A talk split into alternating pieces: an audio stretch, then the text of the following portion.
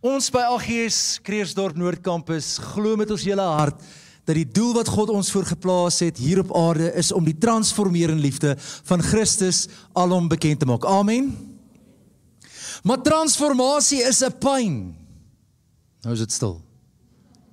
Vir die afgelope paar weke is ons besig om te praat oor verandering.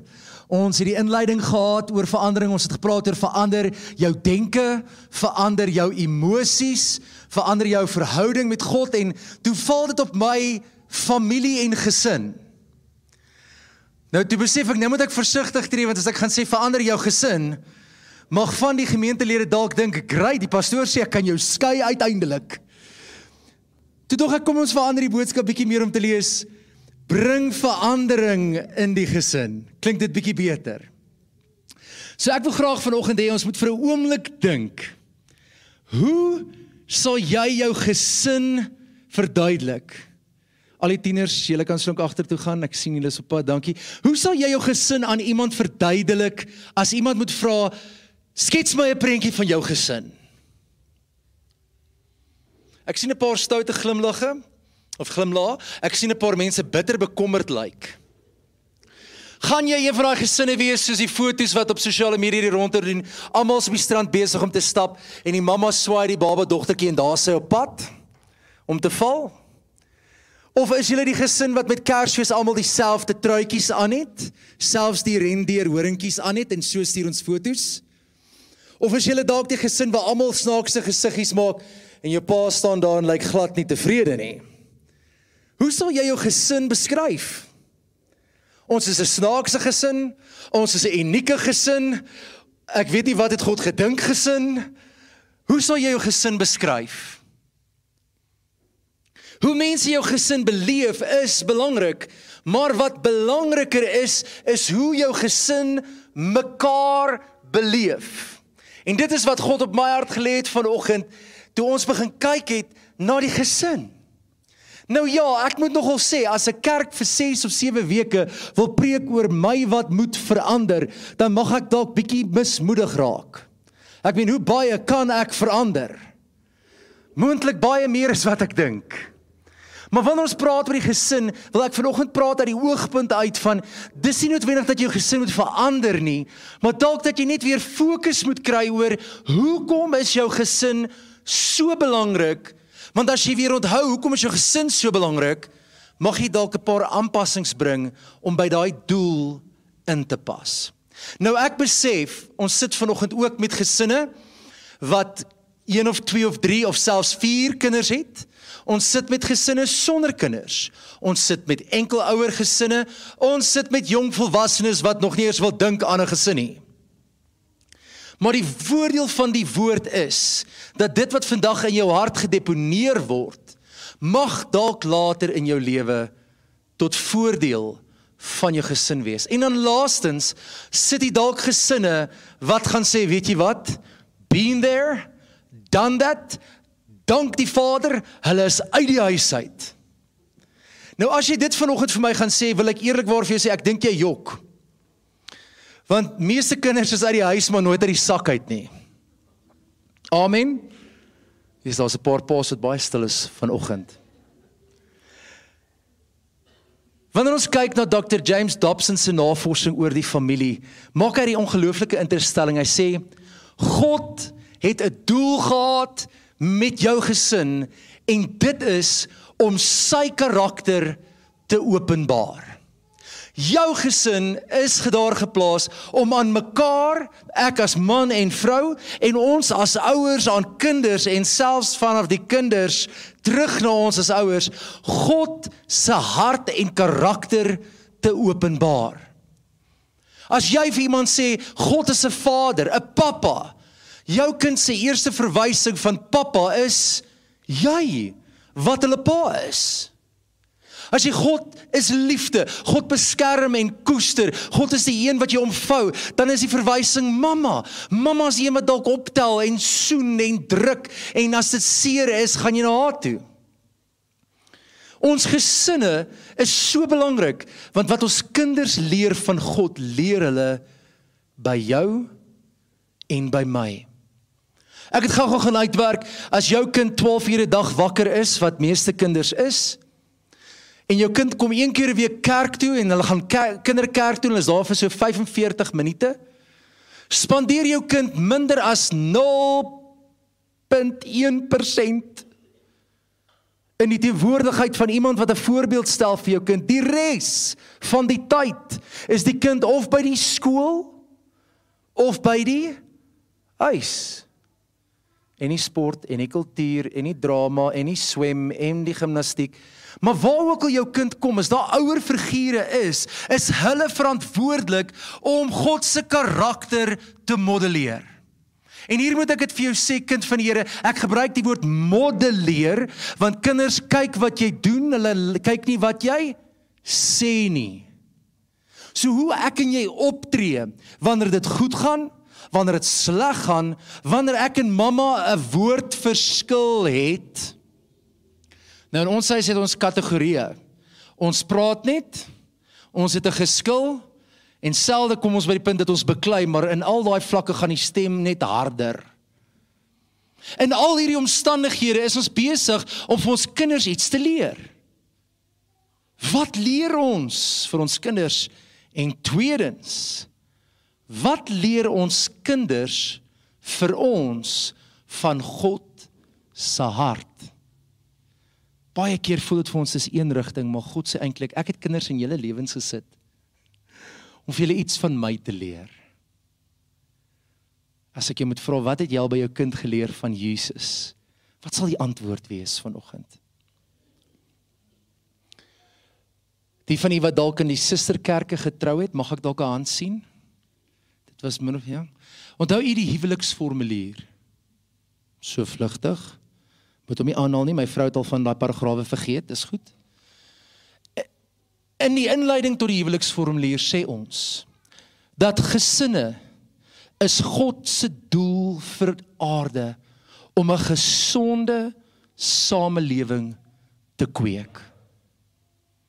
Gesinne, daar waar daar voorbeeld gestel word van God, is 'n voorbeeld vir die samelewing.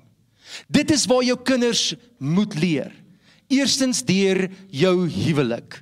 Nou ek wil nie te veel in in besonderhede ingaan vanoggend oor jou huwelik nie, maar ek wil vir jou sê man en vrou as jy Efesiërs 5 gaan lees, dan begin dit onderdanig wees. Ja, mamma, jy kan vir pappa bietjie vasvat en sê pappa, Efesiërs 5 sê nie net ek moet jou onderdanig wees nie. Ons moet mekaar onderdanig wees. Ons moet 'n wederwysige respek vir mekaar hê. Ons moet mekaar hanteer vir in liefde en in teerheid op 'n manier wat God verteenwoordig. Hy praat van geonsag. Hy praat van dat daar sou moet 'n uh, liefde wees in vergelyking met Christus en die kerk. Daar moet 'n onderdanigheid aan mekaar wees in vergelyking met Christus en die kerk en en 'n dienaarskap teenoor mekaar soos Jesus die kerk dien. Jy sien wanneer ons ons gesinne, ons ouerskap en ons huwelik trek in lyn met God se woord, gaan ons kinders dit sien en hulle gaan iets leer van God. Hulle gaan iets leer van Jesus en hulle gaan iets leer van die Heilige Gees. En die duiwel wil in vandag se tyd ons huwelike so skeef trek. En ons kinders kyk na dit en verstaan nie die geloof wat ons bely nie. Want jy kan nie vir my sê God is 'n liefdevolle God, maar my pa en my ma is besig om heeltyd teenoor mekaar haat te spreek nie. Jy kan nie vir my sê God is 'n God wat alsomferend is met 'n liefde wat alles bedek, maar die een in my ouer gesin is heeltyd besig om die ander een te steek oor wat hulle verkeerd doen. Ons kinders leer by ons.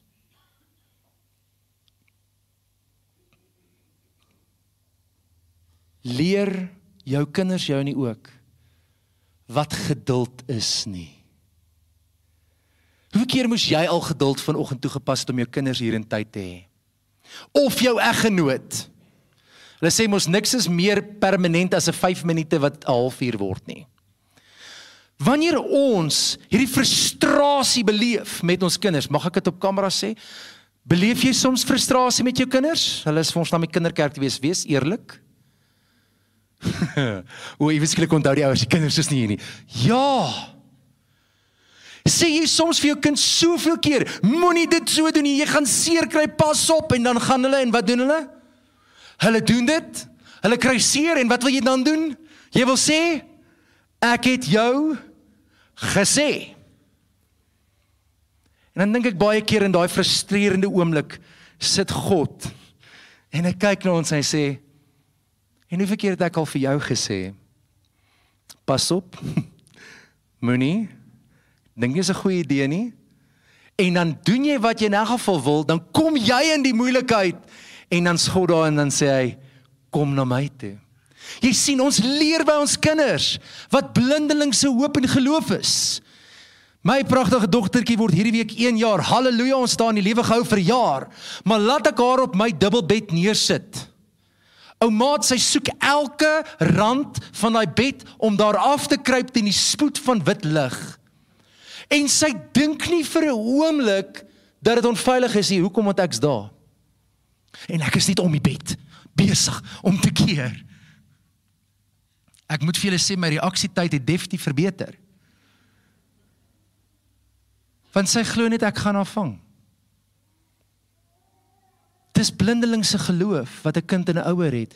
Tog sê die woord dat ons geloof, ons moet soos kinders word teenoor die Vader. Ons leer hierdie dinge in ons gesinne. Hierdie gesin skep en bied 'n veilige plek waar kinders God se liefde deur hul ouers kan ervaar en leer hoe om ander lief te hê.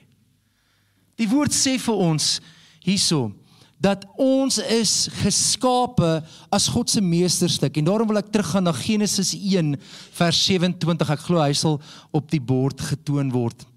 Genesis 1 vers 27 en 28 en vers 31 sien ons dat God is besig om sy skepping af te rond. Hy's besig om die finale deel van die skepping in plek te sit. En God het die mens geskep na sy beeld, na die beeld van God het hom geskep. Manlik en vroulik het hy hulle geskep. Daai is 'n daai is 'n argument vir 'n ander tyd want die woord sê manlik en vroulik. God het hulle geseën. God het vir hulle gesê: "Wees vrugbaar, vermeerder, vul die aarde en onderwerp dit." God skep die gesin. Man, vrou, julle gaan kinders hê, julle gaan hierdie aarde bewerk, julle gaan suksesvol. En dan kom hy in vers 31, nadat hy verder gaan oor waaroor julle alles sal heers en sê God het na alles gekyk wat hy gemaak het in hierdie dag en dit was baie goed. Nou moet jy verstaan wanneer Satan na jou en my kyk, ons wat in gesinne is, dan haat hy wat hy sien, want God het gesê die gesin is baie goed. So Satan sê, dan kom ons maak dit so sleg as wat ons kan. Die woord gaan verder. En hy sê in 1 Timoteus 3 vers 1 tot 5 gaan die woord en hy lê vereistes neer vir iemand wat in die kerk wil dien. Iemand wat 'n voorbeeld moet wees teenoor ander gelowiges. En hy praat hier spesifiek van 'n opsiener of 'n in die ou taal 'n diaken en hy gebruik woorde soos iemand wat onberispelik is. Iemand wat net een vrou het. As jy meer as een vrou het, sterkte. Beheerst. Iemand wat verstandig is, goed gemanierd, gasvry in staat om onderrig te gee. Hy moenie 'n dronkaard wees en hom verlustig in drank nie, maar inskikkelik, vredelewend, nie geldgierig nie. Hy moet volkome waarhede sy eie huishouding goed bestuur en sy kinders onderdanig hou. Kan jy sien God se hele maatstaf begin by die gesin? Die voorbeeld wat ons is. En dit maak my soms bekommerd. As ek net na my eie lewe kyk en ek kyk na die gejaag van die lewe en ek kyk na ons altyd besig is met soveel goed. Partykeer wonder ek, Here, mis ons die gesin? Hier's 'n paar hoofde in ons gemeente vanoggend en baie van hulle ouers wat by hulle kom sit. As jy met hulle praat oor wat aangaan in die kind se lewe, is die ouer heeltemal onbewus van wie die besigheid van die lewe en die gesin wat agterweë gelaat word. Kind van die Here, die realiteit is daar is niks belangriker as jou gesin nie. Haal kort ek 'n amen. Daar's niks belangriker nie. Nie geld nie. Nie aansien nie. Nie om die belangrikste en suksesvolste te wees nie. Niks is meer belangriker as hierdie eenheid waarmee God jou toevertrou het om in hierdie wêreld 'n verskil te maak. En wanneer jy nou opbeweeg in die gesinsstruktuur en jy word 'n ouma en 'n oupa, hoeveel meer insa en liefde en geduld en genade en opbouing kan jy in jou kleinkinders se lewens lê. Baie keer so omdat jy nie meer rondhardloop agter alles wat jou werk vir jou sê nie. Jy dalk bietjie meer tyd. Dis ons gesin. Die huwelik en die ouerskap openbaar God se karakter en dit gebeur deur hoe ons optree. Spreuke 1 vers 8 tot 9 sê: My seun, luister na die vermaaning van jou vader en moenie die onderrig van jou moeder verontagsaam nie, want dit is 'n bekoorlike kraans vir jou kop en halsnoere vir jou nek. Hoe gaan my kind daai woorde as wysheid kan ervaar?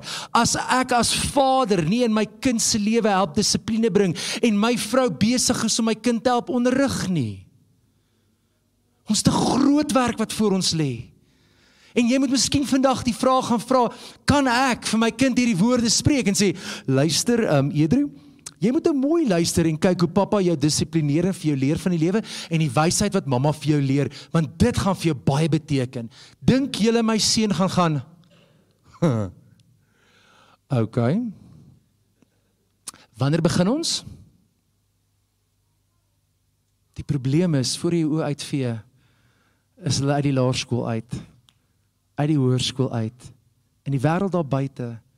En dis kom die woord sê dat wanneer 'n boom as 'n kind jonk is, is hy soos 'n boom wat jy moet buig en vorm sodat hy sterk kan groei. Dit maak my partykeer benoud as ek sien hoe die munisipaliteit nuwe bome plant met die dunste stokkie. Daai boom lê al klaar so en hy's nou eers geplant. Jy weet sommer waartoe daai boom gaan. Jy kan sommer van 'n jong tyd af sien as 'n kind reg groot gemaak word of verkeerd groot. Jy kan sommer begin sien waartoe die boom buig. Ja, ek weet. Daar is mense wat hulle kinders in die wil en die wee en die vrees van die Here groot gemaak het en hulle kinders het verkeerd in elk geval uitgedraai. Die woord sê moenie bekommer nie, want selfs al gaan loop hulle draai en in later jare kom hulle terug by die Here uit sê die woord. Jy kan daarop vas staan. Maar die punt is daar moet 'n fondasie wees. My kind luister na my wysheid. God het kinders in gesinne geplaas sodat hulle sy liefde kan ervaar en hulle kan leer om ander lief te hê. Ek dink twee kinders is seker die beste manier om 'n kind te leer om lief te hê en te deel. My kind was vir lank die enkelkind sindroom. Ag my genade, dis moeilik. As die kind heeltyd sy eie sin kry, dan moet hy ewesklik begin deel, maar dis myne. Was nog altyd myne. Maar as jy dalk 'n gesin van 2 of 3 kinders, dan's myne almal sin en jy moet deel of hoe Rolof. En in daai oomblik leer God jou weer eens van genade, liefde en geduld. 1 Johannes 4 vers 11 tot 12 sê: Geliefdes, as God ons so liefgehad het, behoort ons ook mekaar lief te hê. Niemand het God ooit aanskou nie. As ons mekaar liefhet, bly God in ons en het sy liefde ons tot vervulling gebring. Liefde moet die karakter wees wat in, uit en deur ons huise spoel. Liefde beteken nie om altyd in te gee nie, liefde beteken nie om altyd jou kinders hulle wil te gee nie. Liefde beteken om jou kind te leer om in respek en afhanklikheid van God gehoorsaam aan sy woord en onderdanig aan sy ouers groot te word. Dit beteken soms nee. Hou op. Stop dit. Miskien is dit tyd vir 'n time out. En as jou kind nie van time out sou nie, dan vat jy sy PlayStation weg. As dit om die plan nie, stuur jy hom kamer toe. As dit nie werk nie, wel die Here het baie wonderlike voorbeelde vir ons gegee. Alhoewel as ek dit nou sê, mag ek dalk tronk toe gaan, soos een van julle nie van my hou nie. Ek ken vir julle speerder se nommer. Dit bring ons dan by Kolossense 3 vers 12 tot 15.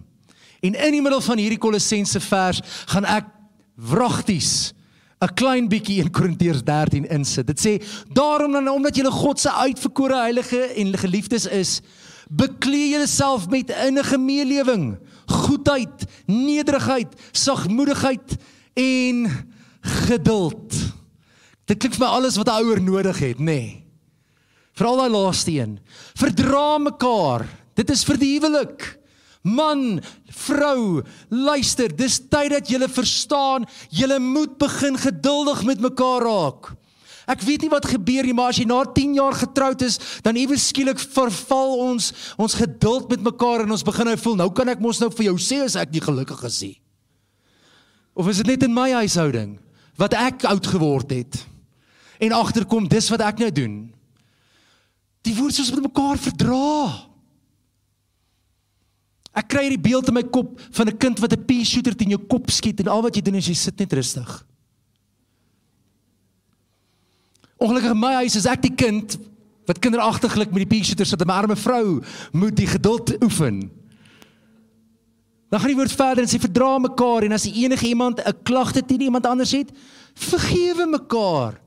Hoeveel huwelike, hoeveel kinders leer hulle eie huishoudings wat dit beteken om 'n wrok te dra? Om haat teenoor ander te hê of om verlang iemand te straf omdat hulle iets gedoen het wat jy nie mee saamgestem het nie. Soos die Here julle vergewe het, so moet julle ook vergewe. Maar beklee julle bo en behalwe al hierdie dinge met liefde. En nou sê ek insert 1 Korintiërs 13 net daar. Beklee jou met liefde. Sjoe. Sterre maar baie instruksie vir 'n Sondagoggend. Hoe lyk dit? 1 Korintiërs 13 sê die volgende: Liefde is geduldig. Gee om. Is nie jaloers nie. Spog nie. Loop nie rond met so breë bors en sê kyk wat het ek nie. Dis nie verwaand nie, dit tree nie onbehoorlik op nie. Eie belang is nie die doel van liefde nie. Dit jaag nie die eie liefde na nie, die eie belang. Dit is nie lig geraak nie. Hoe Kan ek vir u sê hier's 'n paar mans in hierdie kerk wat meer lig geraak is as meeste vrouens? En ek is die grootste van hulle. Jy sal dit kan getuig. Partykeer is dinge net nie so ernstig soos wat jy dit maak nie en alles is ook nie persoonlik nie. En ons moet leer om in hierdie tyd dit vir ons kinders ook te leer. My laaitjie het hierdie week die ongelooflike voorreg gehad om 11de te bat by sy cricketwedstryd en toe hardloop die lopies uit voordat hy kon kolf. Nou wat kan ek my kind in daai oomblik leer? Jy beter beter speel dat jy vroeër kan bat. My kind, daar's 'n sekere hoeveelheid lopies wat of 'n balbeerte wat gespeel kan word. As die balbeerte uit is en jy het nie gebat nie, dis oukei. Okay. Volgende keer. Ons moet ons kinders leer om nie lig geraak te wees nie. Liefde hou nie boek van die kwaad nie. As ek nou 'n brandstapel hier moet bring en sê as jy 'n boekie het met 'n lysie met mense wat jy nog steeds nie kan vergewe nie, ons moet dit brand, dan dink ek gaan die dak aan die brand slaan want ons almal het een. As ek daai persoon in die pad kry, ry ek hom raak. 55 punte. As hy kop die pavement en die pad tref, plus 120. Ons lag want ons weet. Ons almal ry soms deur die verkeer en sê as ek jou vandag sien, ou maat, ek stoot jou van hierdie pad af. Word sê hou op daarmee. Dit kweek in ons eie gesinne 'n haat vir mense wat ons kinders nie ken nie. Jy praat voor jou man oor iemand wat jou te nagekom het en jy spoeg daai gal en jou kind sit in die vertrek langs aan en daai kind raak kwaad vir hierdie ander persoon wat hulle nie eers ken nie, want kyk wat doen hulle aan my ouer. Die woord sê dat liefde is is nie bly oor onreg nie, maar is saam bly oor die waarheid. Dit bedek alles, dit glo alles, dit hoop alles, dit verduur alles. Liefde faal nooit nie. As jy nie weet hoe om op te tree nie, tree op in liefde. Dit kan nie faal nie. Hoekom is dit belangrik, kind van die Here? Want God het ons gesinne gegee. Hy het ons familie gegee. En in hierdie dag, in hierdie tyd, is ons besig om pragtige klein kinders van die Here wat hy aan ons toe vertrou het as geskenke groot te maak om soos Jesus te moet lyk. En jy kan elke aand die Jesus van die Kinderbybel en die duiwel van die Kinderbybel aan jou kind vertel. Maar as jy daai duiwel van die Kinderbybel in jou eie huis is, Moenie verbaas wees as jou kind dit naaap nie. Ons kinders is geleer om te modelleer. Hulle sien en hulle doen. Kom ons bring verandering in ons gesinne. Kom ons maak dit 'n plek wat veilig is. 'n plek van liefde, 'n plek van aanvaarding, 'n plek waar ons vir hulle 'n voorbeeld stel waar hulle kan uitgaan en sê, "My pa sê, jy mag nie die speedkop bribe nie." En dat hy sal stry met sy maats, man, dit is reg. Jy bribe nie 'n speedkop nie. Want waar het hy dit geleer? My pa sê. My ma sê, jy mag nie steel nie. Ja, maar jou ma weet weet nie. My ma weet. En as jou kind 'n tiener is, spreek steeds die waarheid van God se woord. Al lyk dit asof dit bons. Glo dit of nie dit gaan steeds in.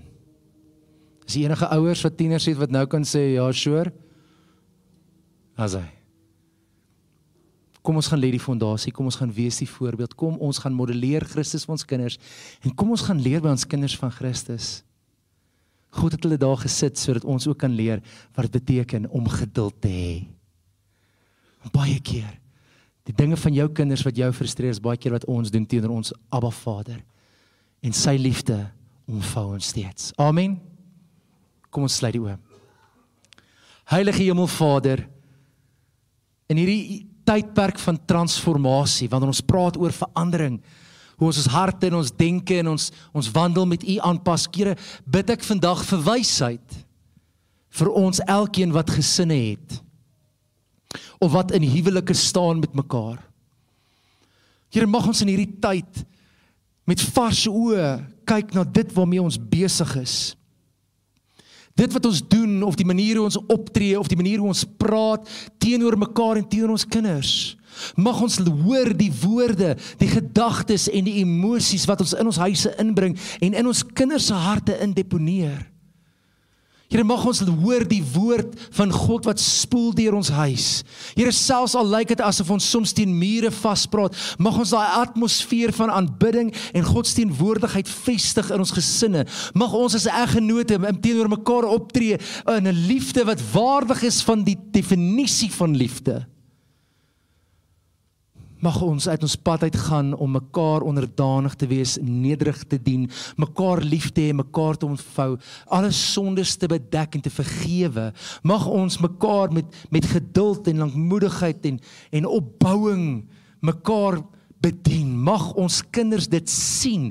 Selfs wanneer ons verskil, Here, mag ons dit doen op so 'n manier dat ons nie sondig nie, dat ons kinders sal leer van gesonde konflikhantering mag ons in ons gesinne nader aan mekaar groei en mag ons altyd voor oë hou hierdie ongelooflike roeping wat U op elke ouer geplaas het as daar kinders in die huis is. En Here sou daar geen kinders in die huis wees nie, maar ons is eggenote. Here mag ons terugkeer na die ongelooflike seën wat rus op man en vrou, soos wat U reeds in Genesis bepaal het, die goeie van die huwelik mag ons waar ons gaan voorbeelde stel vir ander. En mag Jesus in en deur alles gesien en geëer word. In die naam van Jesus bid ons dit. Amen